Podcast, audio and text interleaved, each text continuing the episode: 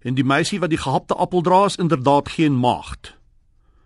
Vlieger Botma spit sy ore.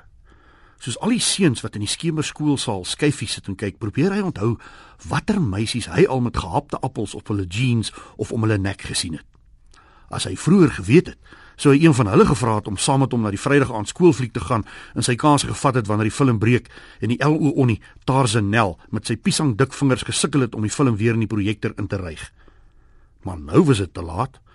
Na dese se selfs die onskuldigste kloosterkoekie nie gehapte appels dra nie. Daarvoor het die man wat soos 'n Hollandse predikant klink gesorg.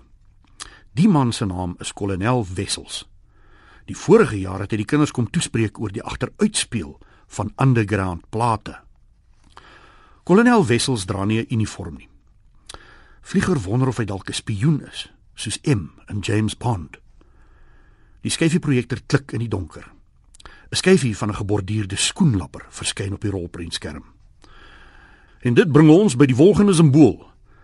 Die kolonel bly dramaties stil. Algeluid is die skyfie projektor wat soos 'n tevrede katjie spin. Die volgende simbool, die kolonel se is klink asof dit 'n Z bevat. Die vlinder. Die kinders mor en skuif rond op hulle stoele. Party van hulle lag selfs. Julle kan maar guggel, maar die vlinder is nie so onskuldig as wat dit lyk nie. The attack of the killer butterflies, praat Pert Smit agter uit die saal. Baie kinders lag.